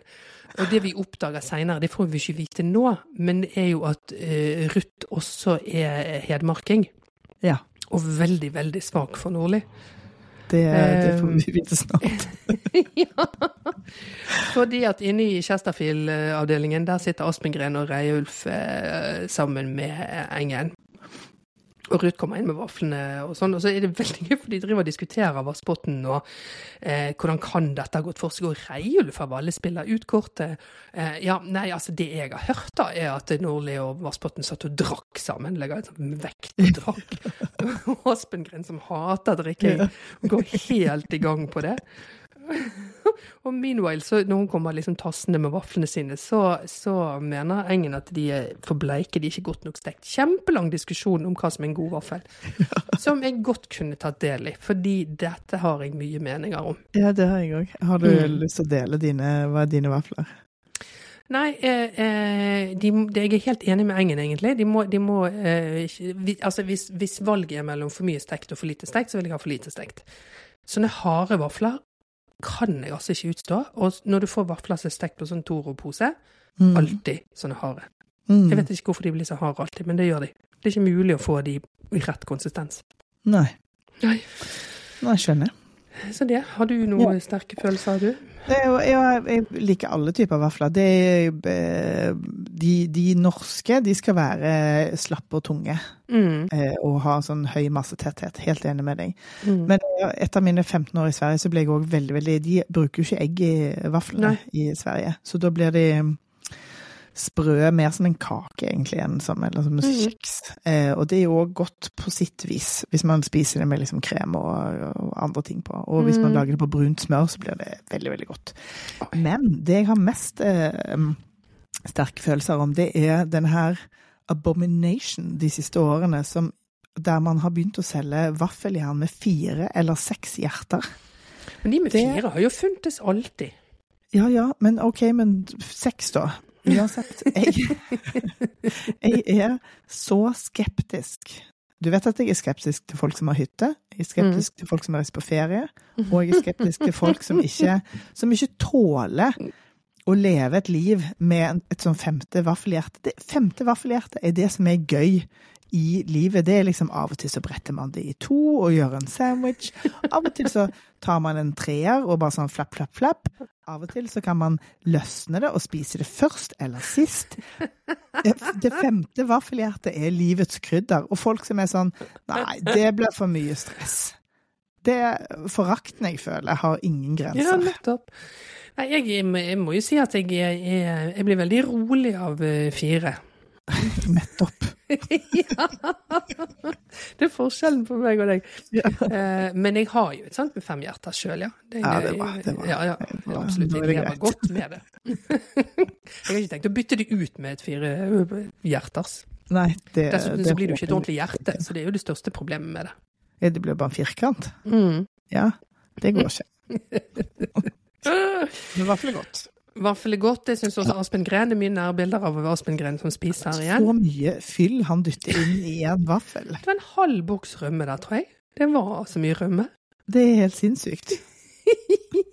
Men han er jo en eh, Han er jo en påleggskalv. Ja, han tar jo for seg, han drikker jo ikke, sant? Så det, han driver jo med liksom han må annen kos.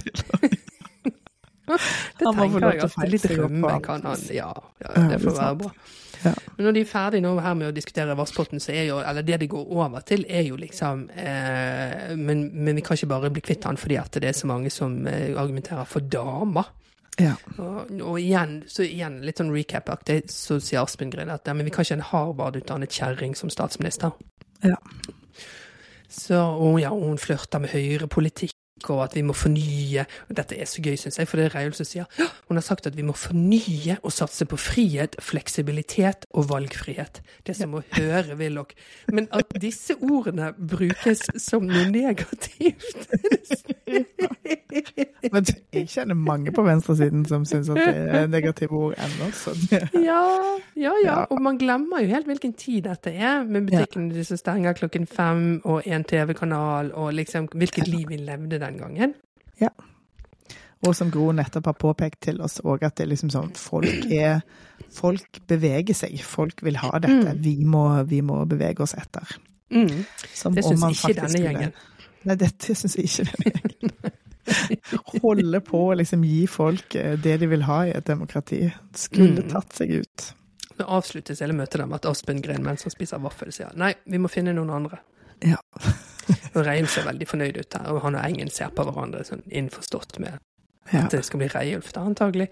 Men Aspen Gren er jo ikke noen fan av Reiulf, så, så Det er uh, Nei, det er mye her. i greia her. Ja. Ja. Um, ja, og så er vi tilbake etter det på SMK eh, og med den hodepinen igjen, fordi det Vassbotten skal inn til eh, Nordli, og så slår han på lyset, for han sitter der i mørket. Så nei, nei, slå det av igjen, slå det av igjen. Men sekretæren sitter utenfor og strikker, og det syns Ja. jeg egentlig var et sånn koselig grep. Det var veldig koselig, men jeg eh, tviler på at det, eh, Det noensinne har skjedd. det tror ikke jeg heller. Jeg tror de har det travelt på jobb, de damene der. Ja, på på denne tiden. tiden. Og tenk så mye som måtte skrives på skrivemaskin da, den gangen. Ja, pluss at ingen har jo fått tak i Nordli på ei uke, fordi han bare holder på med de der klasehodepinene, og han blir tett beskytta av Vassbotn, så Mm.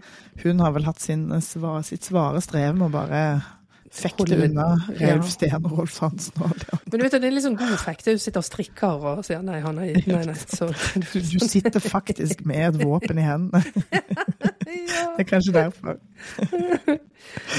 Å, nei, og da er det nye VG-overskrifter der eh, det står at Nordli og Vassbotn er i kamp med LO. Ja. Og at Aspengren vil boikotte de. Eh, det, ja, om det var for ja, utnevnelsen av Vassbotn, hva vet jeg. Men iallfall Aspengren er på krigsstien. Ja. Eh, og igjen så er det denne refereringen til sentrale stemmer.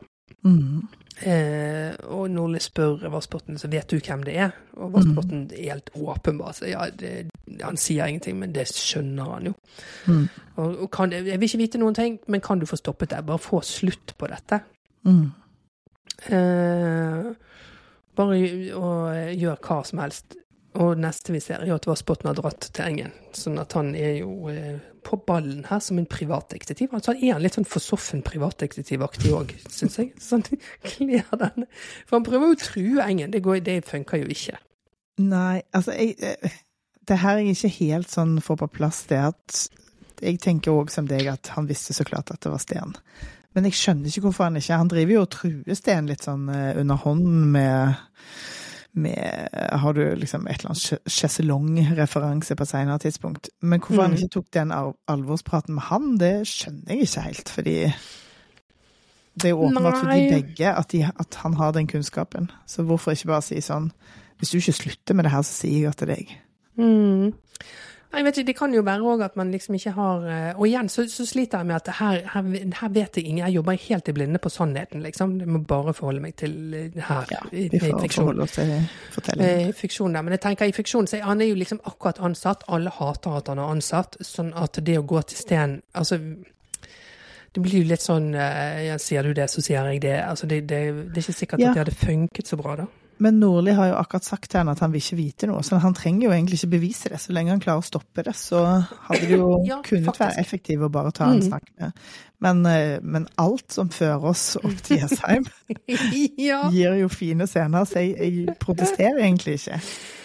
Nei da, ikke jeg heller. Jeg må forske litt mer i eh, åssen dette gikk for seg. Altså i det hele tatt gikk det for seg på noe nærliggende vis her. Eh, Ja. Det får vi finne ut eh, når vi hører Aftenpodden sin pod, de som kan ting. De som kan ting. Det er herlig. Ja, det gleder vi oss til. Men eh, ja, nei, for Vassbotn prøver så å true eh, eh, Engen og si at nei, men nå må, dette må bare ta slutt. Ja. Og Engen er jo så mye større enn han, han er så Han har sånt Han har sånt et aggressivt kroppsspråk. Ja. Eh, Gå tilbake, truer du meg? Er det det du holder på med? Du må huske at du er bare statssekretær så lenge Nordli sitter. I det øyeblikket du er ute der fra journalist igjen, tror du det er lurt å brenne den beste kilden du har? Jeg bare spør. Jeg bare nevner det. Han, han ser jo helt ut som en maniac. Han ser jo ut som en kanon som bare kan gå av når som helst. Han ser litt ut som sånn, sånn eh, Altså, dette er, eh, tenker jeg, en sånn eh, rolle som helt fint kunne vært i Kill Bill, eller eh, en Ja, sånn jeg satt også og type tenkte på Tarantino. Ja, det er veldig Tarantino-aktig. Som Ja. Pitt i Tarantino-film, liksom. Det har den gruven over seg. Det er akkurat det.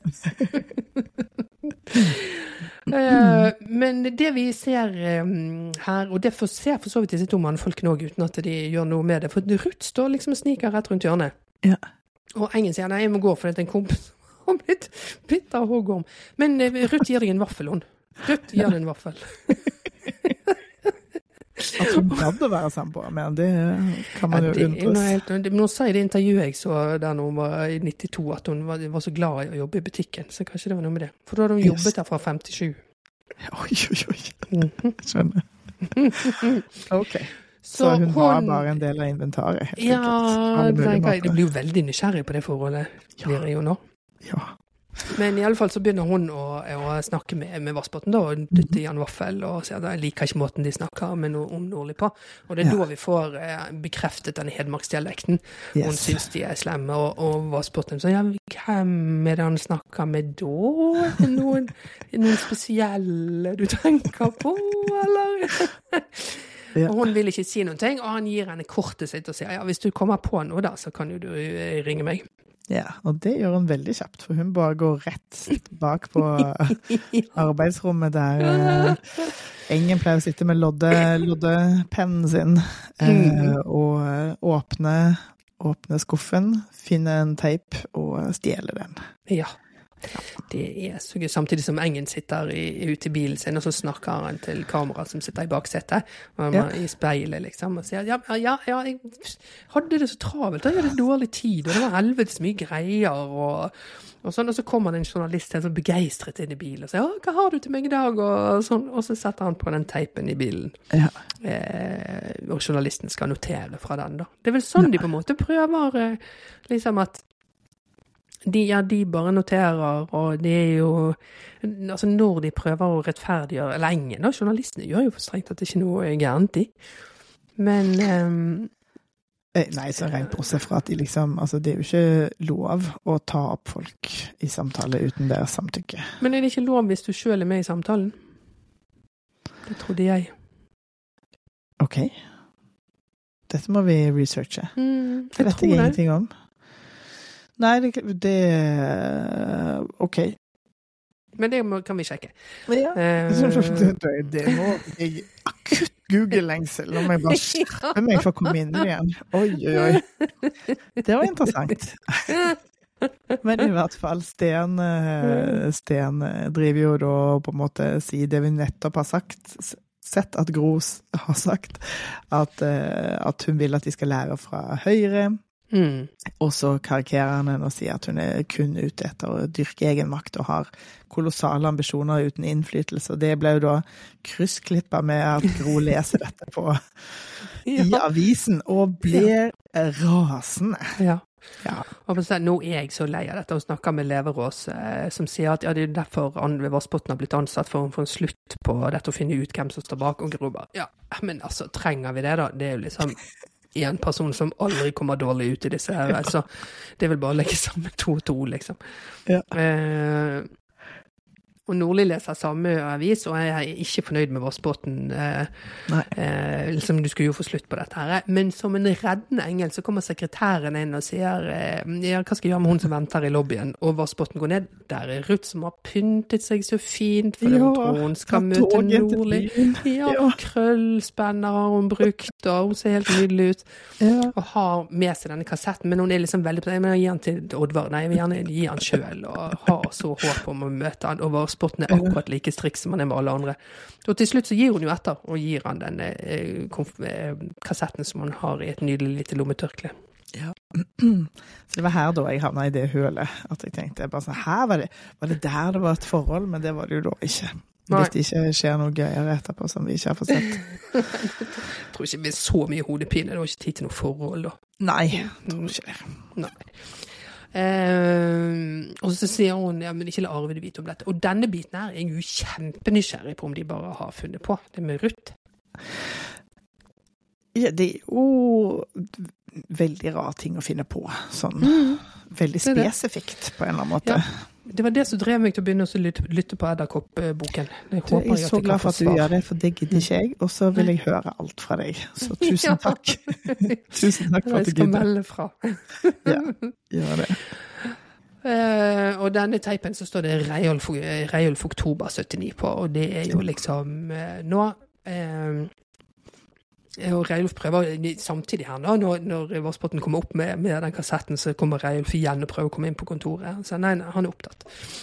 Eh, og Vassbotn løper til kassettspilleren sin, for det har Ja. han jo selvfølgelig. Uh, og der er det Engen og Reiulf som, som snakker om uh, å få Nordli avsatt, da. er liksom det som Ja. jeg hører der, iallfall. Mm. Og stakkars Nordli holder jo på med denne bokhyllen sin, han. Mm, ja, han Samtidig. står her og liksom Ja, for det trekker fra bokhyllen. bokhyllen. Og det er jo en, eh, en eh, god lekkasjemetafor, så klart. ja, det gjør det, altså. Ja. Og nå kommer alt for en dag, fordi at nå kommer eh, Vassbotn inn med teipen og sier dette må du høre på. For det, frem til nå så har jo Nordli vært helt sånn jeg vil ikke vite noe, jeg vil bare få slutt på det. Og nå, Ja. det liksom, nå må han bare se sannheten i hvitøyet, som jeg jo tipper han òg har visst. Alle har, må jo ha mistenkt dette. Det er jo derfor han sier 'ikke fortell meg noe'. Ja, sant, fordi at i det øyeblikket du vet, så er du jo fucked, liksom. Eh, så eh, Og da kommer den der vittige Hvem er det han snakker med det? Nei, det er en mann som heter Arvid Engen. Ja vel? Ja. Han er en møbelhandler på Yes. Møbelhandler. Hvorfor tar han opp samtalene? Uklart, sier Vassbotn. Og det er jo det som er så deilig, for det er jo uklart. Uklart ennå. Ja. Det er uklart ennå. Vet Reiulf da han ble tatt opp på teip? En møbelbutikk, sier du? Å, yes! Det er jo klart, det, man, det er jo sånn man blir, gjør når man blir sånn rystet, at man, man bare gjentar og gjentar det samme. Fordi det er jo Den setningen gir ingen mening. Nei. Nei, den er spektakulær, møbelhandleren. Det er altså så, så gøy. Når jeg flytta hit til North of the Wall, så eh, har jeg jo nå kjørt forbi Jessheim mange, mange ganger de siste, siste to årene. Eh, og veldig, veldig lenge så var Altså, det eneste jeg forbandt med Jessheim Nå er jeg jo på Jessheim hele tiden, fordi det, det har blitt storbyen for meg.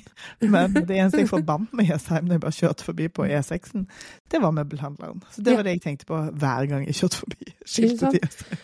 Ja, det er Jessheim, og så er det Sørumsand som har uh, Orderud, liksom. Så er det, Ja, nettopp.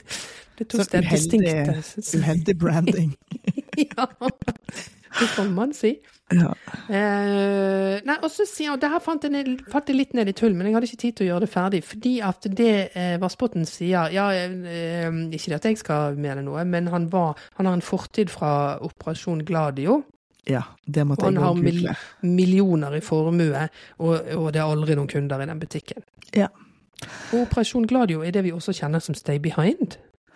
Altså, dette Jeg har aldri hørt liksom om Operasjon Gladio før. Men, men Stay Behind, har du hørt om det? Altså, jeg har bare sånn Nei, ikke som, eh, ikke som tiltak. Det er også helt nytt for meg. Ja. Men det har jeg et vagt med, det, det har jeg hørt om. Um, Ja.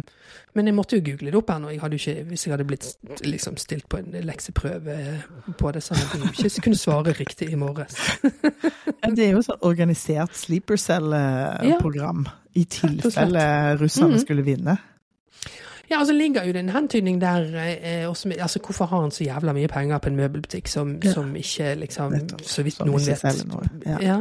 Han er en russisk eh, Eller, Eller ikke en amerikansk, russisk, men amerikansk agent. Eh, Men samtidig så importerer de møbler fra, kvalitetsmøbler fra Ungarn. Det lo jeg så jævlig godt av.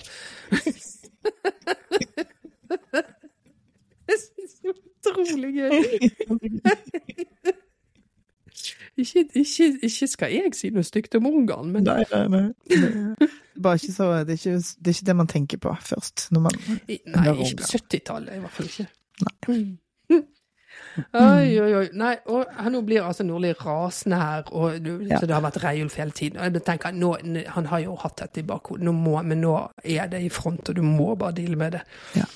Eh, og, og, men men istedenfor å gå rett med, ut med han, så er det bare ja, men dette kan ikke bli kjent. Vi overlever det ikke. Da går jo rett i liksom forsvare partiet før noe annet. Og det forholder jo de på her nå videre. Vi må bare holde det i ledelsen. Ivar Ja. må få vite det. Ja, hva med Gro, da? For det hadde han jo glemt litt sånn sist. Jeg tror det faktisk òg en del der. Ja, og Torvald, for dette angår faktisk rikets sikkerhet.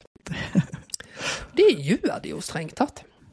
Um, Det, det skulle man jo tro Mm. eh, at han skjønte, ja. Og så er det en Mm. kjempefin scene der Ja. eh, åpenbart så har dette møtet har skjedd, og så kommer Stoltenberg ut og møter Sten utenfor heisen. Ja. Og Sten er sånn 'ja, jeg kommer jo på middag, og hva skal jeg ta med?' Og, og så skjønner du jo liksom, eller vi skjønner at nå har Stoltenberg fått vite det, fordi han ser ekstremt ja, vi ser jo det, det møtet. Vi ser jo det Ja, gjennom det, glasskontoret. Yes, Mm. det gjør vi. Mm. Ehm, og så liksom avfeier litt med ja, men jeg skal snakke med Karin og fram og tilbake. Og så, bare, så bare reiser han og går i heisen, men det gjør han ikke, fordi heisen gjør det som heisen nesten alltid gjør. At det bare ding-dong, og så går den opp igjen, og så står de der og ser på hverandre awkward. Det er så vondt. Å, det er så vondt, altså. Ja. Eh, og da Unnskyld. Eh, så har jo de et møte igjen her der Grober sier men han må ut. Uh, mens Oddvar Rubbel Nei, det må bli mellom oss. Og Gro, selv om hun har liksom lært å spille litt i løpet av den episoden, har jo ennå ikke ryggmargen, det der, men det er dårlig for partiet. Ja. Sant? Det er, han har gjort noe galt, han, skal, hun hater han jo også. Sant? ja, men, Men- det er dårlig for partiet, så klart. Men det, partiet er jo òg bare en metafor her, for det at for Oddvar Ja da, det også. Men det er klart at det, det, det tar seg jo ikke ut for partiet heller. Men for Oddvar er det helt håpløst. Ja. Så de skal, men så har de en sånn gøyal scene som, som er en sånn uh, tilbakepeik uh, på kanskje, kanskje ikke-episoden, der og Oddvar sier nei, vi holder det her hos oss inntil videre. Og hun sier inntil hva da? Inntil vi finner ut hvordan vi skal håndtere det. Og det er veldig sånn kanskje, kanskje ikke. ja kanskje ikke. Og uh, Gro er bare sånn Men det er jo ikke noe mysterium, det. Vi bare forteller at det er han på teip og ber han om å trekke seg. Det bør Ja. ikke bli noen stor skandale av det. Ja. Men så er Vassbotn inne der og sier at ja, men eh, Engen har forbindelser til mange flere, så det er ganske fort mange, Noen kan dra den konklusjonen, og dette kommer for en dag, liksom. Ja. Sånn Hvis Reiulf Steen trekker seg, så fins det en mengde grunner til som, man kan gripe til. En møbelhandler på Jessheim, ikke den mest åpenbare. Det er jo i og for seg sant. Ja, det er. Det er så gøy. Eh, og, da, og, og det bare å si at han skal ta seg av det. Eh, Ja.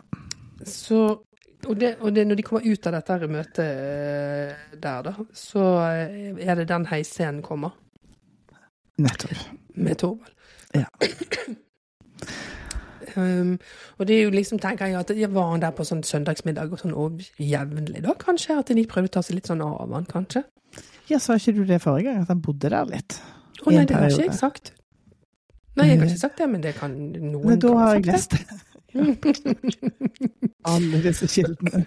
Nei, men det virker jo ikke ulogisk. Det, det kan jo godt hende den trasige hybelen han hadde. Ja. Det er en grunn til at vi ikke er i Aftenpodden, Ida. ja. Da får Vi gjør noe annet. Vi gjør noe annet. Og nå her nå, så på partikontoret så sitter Leverås og ser på Reiulf med hat i blikket. Mm. Men han må likevel snakke med ham, for han kaller han inn på kontoret. fordi at da har han fått nyss om at lederne i nesten alle av pressens aviser i morgen eh, skal eh, stille kritiske spørsmål om ledelsen. Og eh, Reiulf drar kjapt den konklusjonen at de vil at jeg skal gå. Og det er Mm. vel det, slik kan det tolkes, sier vel Leverås. Mm. Og så sier de uten å nevne Gro, eh, har de en sånn Å ja, men det, jeg vet jo hvem det er de vil skal ta over, og Ja, man kan jo kanskje de liksom, det, det er litt sånn elegant gjort, syns jeg, at ikke de liksom går på Gro, Gro og hun og sånn. Det bare Ja, det henger hadde vært slitsomt. Mm. Det er jo åpenbart uh, det alt handler om hele tiden. Men det, jeg syns det var litt vanskelig å tolke, fordi at det som du sier, det er jo ikke noe vennlighet mellom Leverås og, og Sten her, men i denne scenen. Men eh, han sier jo òg, Leverås, du får, du får nok spørsmål om, hvordan, om hvorvidt du burde fortsette i ledelsen. Og så lar han Mhm. liksom bare den henge i luften. Mm. Og så sier Sten ja, jeg skal formulere noen svar. Jeg ber han da Sten om å liksom Å, vær så snill, bare trekk deg. Eller er det en Ja. slags eh, Ja, det kan vel tolkes begge veier. da, sant? At Ja. hvis, hvis ikke du gjør det, så, så kom for guds skyld opp med gode svar, sånn at partiet ser bra ut. Ja. Da. Det er sant. Det er sant. Mm. Så ikke du svarer helt sånn i løse luften. Nettopp. Uh, hvor er Nå- Jo, altså, nå blir det rart. Ja, og kjempegøy. Mm. Jeg elsker jo når det er ja. Ja, ja, ja, ja, ja. Kan du dra oss gjennom, da? Ja, det er Oddvar Nordli som sitter på eh, SMK og, eh, og lytter til uh, denne han, ja, han sitter liksom og rister på kassettspilleren og på kassetten og forsøker å høre om er det lyd herfra. eller Bare jeg hører Ja. noen stemmer. Ja. Eh, og så, nei, men de kommer fra bak denne liksom innfelte bokhylla som vi nå Mm. tidligere så ble en dør.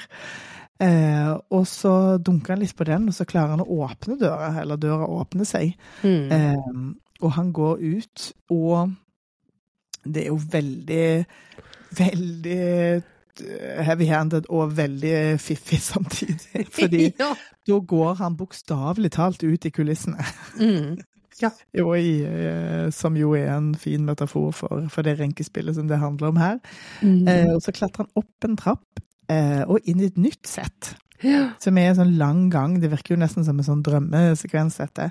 Lang, lang gang, og i enden av den gangen så står det en TV, og der er det et ganske langt historisk klipp av den faktiske Oddvar Nordli som holder tale om Alexander Kielland.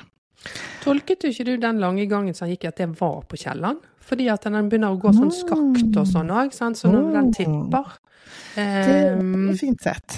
Eh, det, jeg må si det en gang til, åpenbart. mm. Eh, det har du sikkert rett i. Ja, så det ble liksom en eh, Det ble en, enda, en, enda et lag av fortellingen. Mm. Mm. Jeg tenker det, Dette kan vi takke Lykkeland for, at jeg hadde såpass eh, ferskt i hodet. Akkurat, men akkurat den er klaustrofobisk med de lange gangene, og så begynner Ja. å tippe, så du vet ikke liksom opp Ja, og ja, ned ja. eh, plutselig rett lenger. Ok. Jeg er så glad for at vi får se så mye av eh, Oddvar Nordli, fordi mm. det, var, det, var en, det er en veldig fin scene, for den fiktive Oddvar Nordli eh, blir jo så klart superforvirra av å se seg sjøl i fremtiden. Holde tale om noen liksom, på dette tidspunktet ikke vet. Um, Og ikke kjenne seg sjøl igjen engang. ikke engang kjenne seg sjøl igjen. Så det er en skikkelig snurrete metascene, uh, Ja, men, det er eh, det. men veldig gøyalt. Um, og vi skjønner jo med en gang at det er Alexander Kielland, så klart. Mm. Eh, for det husker vi jo godt. Ja. Han kommer seg Eh, tilbake inn på kontoret òg, og da er det ja. også sånn at det, det er alltid litt skakt, og det går sånne varselsklokker. Så han er jo liksom inne i den Kielland-metaforen. Ja, ja. ennå, på en måte. ja, det var godt sett. Det fikk ikke jeg med meg i all min googling og notering. Det er jo krevende å se sånn 20 sekunders bolker og stoppe. Det er det. Og fram og tilbake. Og ja, jeg gleder meg veldig til denne snakken vår er over, sånn at jeg bare kan sette på alle seks episodene og nyte, Ja, nyte ja. fiksjonen. Å, det gleder jeg meg til. Ja, i ett drag. Mm. Ja, men han kollapser jo da på gulvet på kontoret sitt, og så kommer Gjerde inn for å gi han nettopp denne meldingen om at hele Mm. plattformen har velta, vi er nødt til å dra til Stavanger. Vet du hva dette Ja. minner meg om? Mm. Det minner meg om at i 1986, eh, da jeg fikk eh, Til juli 1985 så fikk jeg klokkeradio. Oi. Og eh, det betydde at eh, når Tsjernobyl hendte i 1986, Ja. så eh, må Altså Klokkeradioen må ha spilt nyhetene på, på liksom mens jeg sov. Sånn at jeg Mm. drømte. Jeg trodde jeg hadde drømt Tsjernobyl, fordi at når jeg kom ned og satt meg til frokost, og, og nyhetene gikk i gang igjen, så så jeg jo liksom Så, så husket jeg de bildene som jeg hadde drømt, Ja. så klart. Eh, påskyndet av samme nyhetssending, så jeg trodde jeg var sånn Et sekund der så trodde jeg at jeg var sanndrømt. og litt sånn er det så klart nå eh, med, Ja. med Ja, det det. statsministeren her, selv om jeg tror ikke han har klokkeradio på, på dette tidspunktet. Nei, det er kanskje litt tidlig for klokkeradioen. Uh, Ja. Men her, er, altså, her kommer det arkivbilder av kjelleren som ligger opp ned, og det blir jeg fremdeles altså, helt satt ut av. Ja, det er helt sjukt. Og det er dårlig vær, og det er, bare, det er så mye bølger, og du bare ser de beina, de tre som dupper opp, liksom, og Ja. helikopter som kommer inn med ja, overlevende eller død, hva vet vi. Mm. Å, gud, altså. Ja, og Gleder, døde apropos det, jeg gleder meg til Lykkeland igjen. Ja, det gjør jeg òg. Det hmm. Ja. Eh, og det som da veldig fort Altså, Gjerde fremstår jo veldig usympatisk her, fordi at han går bare rett i at nå kommer oljeboringen i nord til å bli et tema igjen, og den er jo godkjent for lenge siden. Det er jo, vi vet, det kan vel ikke ha noe betydning, dette, og det er nord for 62, da, sant? Ja. Eh, og eh, Nordlys som er jo litt sånn, ja, nå, nå er det jo liksom Dette er ikke politikk, liksom. Det er folk som er, er døde her nå. Det, det, ja. de, og så er det pressekonferanse her eh, der bildet skifter mellom den ekte og Fordi at nå driver han fremdeles og får sånne flash av den ekte Nordli. Ja. Hmm. Det, ja, det, det er vanskelig å oppsummere på noen fornuftig måte, men eh, det funker. Det holder vel, ja. Eh, det holder vel å si det. Det er akkurat det. Ja. Um, og så sitter de og snakker igjen seinere, og der gjør det seg. men problemet var jo sikkerhetsrutinene. Det er ingen grunn til å ikke fortsette å bore. Det, det, det tar vi tak i. Ja. Og det var så jeg vet ikke om jeg orker mer, jeg. Ja. Eh, og så kommer Gro inn på kontoret der og sier at jeg kommer bare for å fortelle hvordan det står i Stortinget, og mm. SV vil fremme mistillit. Eh, og at det er fordi det er vi som har sluppet inn de private kreftene inn i bransjen og gitt dispensasjon for rovdrift på arbeidere. Hvilket jo er helt forbanna sant. Ja. Men eh, Nordli insisterer jo liksom enda en gang på at dette er ikke politikk, og det er jo òg sånn rørende naivt å tenke at dette ja, ikke skal utnyttes. For det blir så idiotisk. for det blir sånn, Har de ingen respekt for de pårørende? Mm. Er det noe de pårørende i denne saken har måttet kjempe og kjempe kjempe for, så er det jo nettopp å få på bordet eh, hvordan ting faktisk var. Mm. Det, det, er jo ingen av de pårørende som noensinne har ønsket seg Nei, dette vil vi helst bare legge lokk på og ikke snakke om. Nei. Det er jo ikke den respekten det vi har, tvert imot. Nettopp. Så, men ja. det er Nordli sitt eh, utgangspunkt. Han eier det ikke ja. skam, liksom. Mm. Veldig pussig. Ja. Eh, og så mens de har dette møtet her, så får Oddvar hodepine igjen. Og det her må jeg si, Gro også er ganske usympatisk. Hun er jo lege. Hun bare sier 'går det bra?' Og så går hun. Hun ser jo at han er helt borte, stakkar. Hun kunne godt vært husket at hun var doktor igjen her, jeg. altså, han har jo liksom eh, for tre minutter siden eh, dumpet henne ned på Stortinget og sagt eh, hei og farvel. Jo, er jo doktor, de har jo plikt til å ta seg av all slags, liksom. Det er jo en helt egen uh, skal det Jeg støtter den forherdingen av henne her, altså. Det er ingen grunn til å ha noe sympati med den sjefen. Ja, og i hvert fall her så driver Mens hun er på vei ut, så sier Gjerde sånn ja, Er du bare et sendebud fra Stortinget, eller mener du og dette? Kan vi, kan vi stole på deg, da? Innenfor støtte? Ja. Og hun, der kommer dette pragmatiske med henne igjen. Så ja, det er ikke noe vits å holde på med dette. Vi har jo vedtatt at det skal bores nord for oss. Jeg skjønner ikke hva poenget er med Nei, Hun er lojal og eh, liksom Det er jo det samme som Alta. Ja, men det er jo vedtatt utbygging, så det er ikke noe vits å Ja. Absolutt. Og så kommer vi tilbake igjen til Nordli som uh, sitter på kontoret sitt i, uh, mm. i smertene sine. Og bakveggen på kontoret hans, altså de her sementveggene, blir, eh, er på en måte eh, blåst vekk eh, når han snur seg rundt, og, og vi ser eh, at bak der så, står en, så er det bilder fra Stortinget der en SV-politiker, antar man, siden Gro nettopp har sagt at det er SV som vil eh, Jeg tipper at Hanna Kvanmo, jeg. Det må jo være Hanna Kvanmo. Ja. ja eh, snakke på talerstolen om eh, privatisering, midlertidig ansatte uten opplæring og disse liksom pågående dispensasjonene fra arbeidslovgivningen. Og SV vil jo så klart eh, også utsette all oljeboring. Og så kommer Gro opp og er lojal igjen for mm. utbyggingslinja.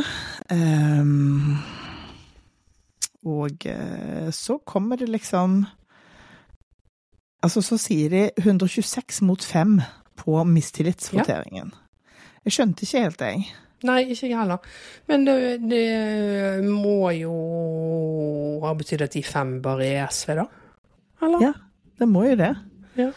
Men eh, fordi Gro varsla jo at KrF og Senterpartiet var liksom hakk i hæl, men da må de jo ha klart å liksom mm. Eh, roe gemyttene. Fordi jeg trodde et øyeblikk at å ja, var det sånn liksom Nordli gikk av? Fordi jeg har ikke, har ikke lest eh, det som du har lest om neste episode.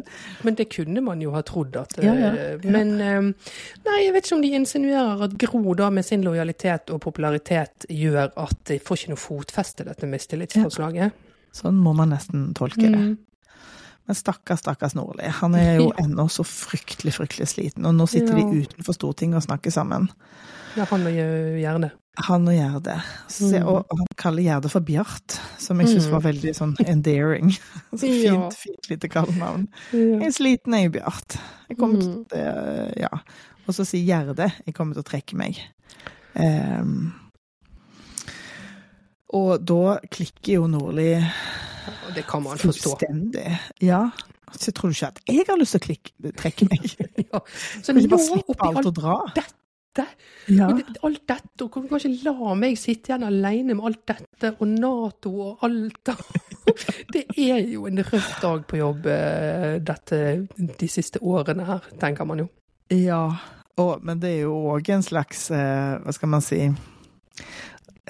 Denne uken her, da, når, når Erna på en måte har, eh, har annonsert mm. at hun blir Eller var det forrige uke? Jeg blander ukene. Det bare går i ett. Ja, var det forrige uke, da? Var det ikke denne uken? Herregud. It's a stroke in motion. Men uh, i hvert fall så, så får man jo òg litt det der blaffet av liksom eh, Folk med makt sin tro på at hvis de ikke tar ansvar, så rakner alt. Der. Mm. Av og til får man jo si at det eneste rette er å ta sin, eh, ta sin eh, hatt og gå. Mm. Men det har ikke, det har ikke eh, Nordli tenkt å gjøre, av Ja, han har jo veldig lyst til å gå. Altså, mm. I, i tilfelle Erna så tenker man jo at hun har ikke lyst. Han vil jo bare, men det, det, tenker han, han er det bare pliktfølelsen med. Ja, ja det, det er annerledes på den måten, det er helt sant. Han, men til gjengjeld så vil han hjem. Han vil hjem og sove en natt. Ja, og stakkar. Altså, jeg får sånn ser blant annet vi må hjem hjem igjen og bare sove en natt, og ding dong, NSB-stemme som sier 'toget til Lillehammer'. Er det ikke den sier kansellert på ubestemt tid? Det det? Ubestemt tid. Innstilt på ubestemt tid. Innstilt på ubestemt Så tid. jævlig. Å, gud, Og da kollapsa han, stakkaren, Mm. på Eidsvolls plass. Og hørte du det, når han, han faller om der, da, så så går på lydsporet, så går det sånne, sånne trommer, sånn eksekusjonspelotongtrommer. Å, stakkar, og der ligger han, altså. Det er godt hørt. Det var mye fint på lydsporet på denne episoden. Det Ja. har det vært hele tiden, altså, men jeg syns det var mye på denne.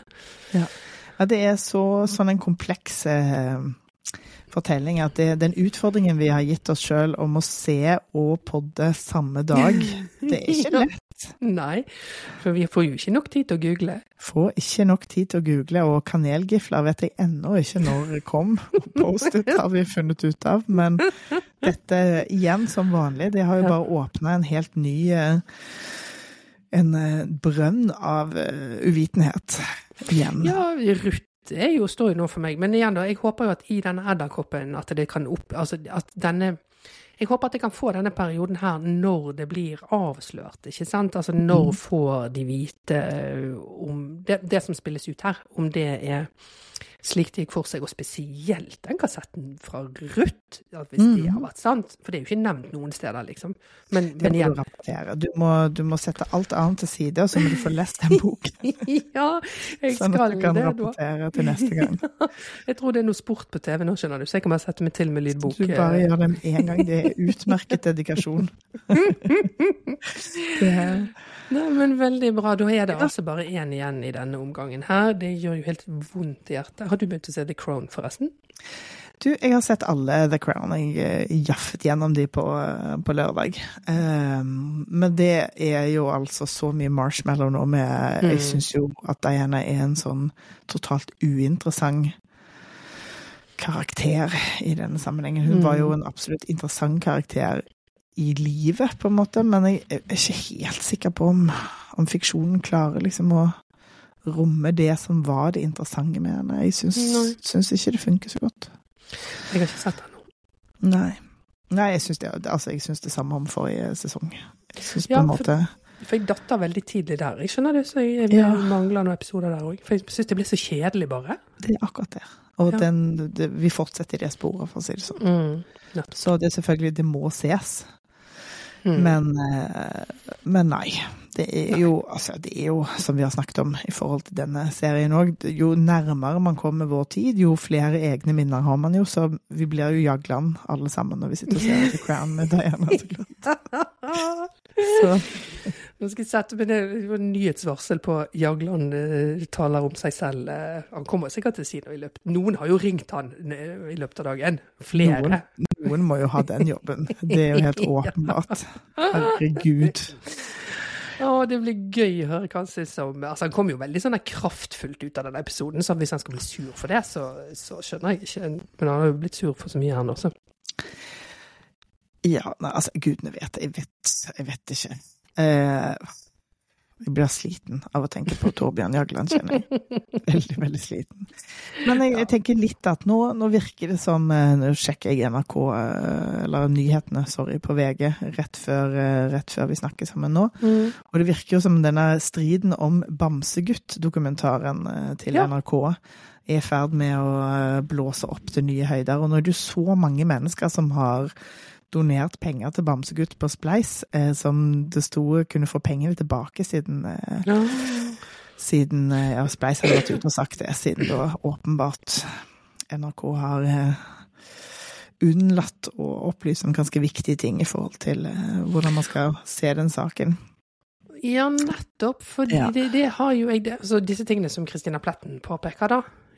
Det er Eh, dette, pluss Mhm. at det da òg eh, har kommet opp en del sånne eh, ting om hans bakgrunn, eh, som de dømte eh, for, eh, for Ikke for overgrep på barn, men for liksom upassende oppførsel. Dette har jeg bare fra ymse Twitter-kilder, men der Tore Strømme er en av Så dette er Jeg vet ikke hva, hva som er status der. Men Spleis var i hvert fall ute og sa at, at man kunne få pengene tilbake. Men jeg lurer på om vi ikke bare skal spørre Spleis om vi ikke kan be alle som har gitt penger til Bamsegutt, om å heller bruke det på flere sesonger av Makta. ja. For de var oppe i 3,5 millioner, så Ja, du vet ordet, så, så liksom kan det, kan det være både, både her og der. Mm. Men eh, ja, altså, vi må jo få mer. Altså, jeg er så spent på hvordan de liksom mm, tidsmessig håndterer det. Altså, uansett så kommer ikke de til å Hvis ikke de skal gå helt harde labb, så er det masse mer å ta av. Altså, det er så mye mer å ta av. Og det at vi ikke engang fikk eh, møte Willoch nå, og antageligvis ikke får det før i Mm. neste sesong, forsøkte jeg jo liksom eh, eh, piske opp stemningen litt i forhold til hvem er det som Vi snakket jo om Aksel Ja. Hennie forrige gang. Det kom, eh, kom inn forslag fra, fra leserne om Torbjørn Harr. Eh, tenkte, så begynte jeg å tenke på stemmen hans, eh, og så tenkte jeg kanskje Kevin Vågenes. Og så kom søsteren min på banen med at hun hadde spurt AI. Eh, antageligvis ChatGPT hun har spurt. Og da hadde ChatGPT kom tilbake med Nils Ole Oftebro. Ja, nettopp. Nå får jeg tro det er Jakob i så fall. Så igjen så må vi vel slå fast at eh, det er ikke noe, det er ikke noe eh, sjanse for at AI tar jobbene våre før jul. Men Ja, vi får se hva som skjer. aldri. Det, får vi se. Ja. Ja, nei, vi får bare smøre oss med tålmodighet. Altså, jeg gleder meg i hvert fall uansett veldig til Ja, neste det episode. gøy. Det blir gøy. Neste episode er den siste denne sesongen. Mm, mm. Ja. Nei, men det blir helt topp det, Cecilie. Ja. Før vi går inn i julefilmenes eh, verden. Det gleder jeg meg til. Ja. Ses snart. Vi ses snart. Ha det. Hei. Música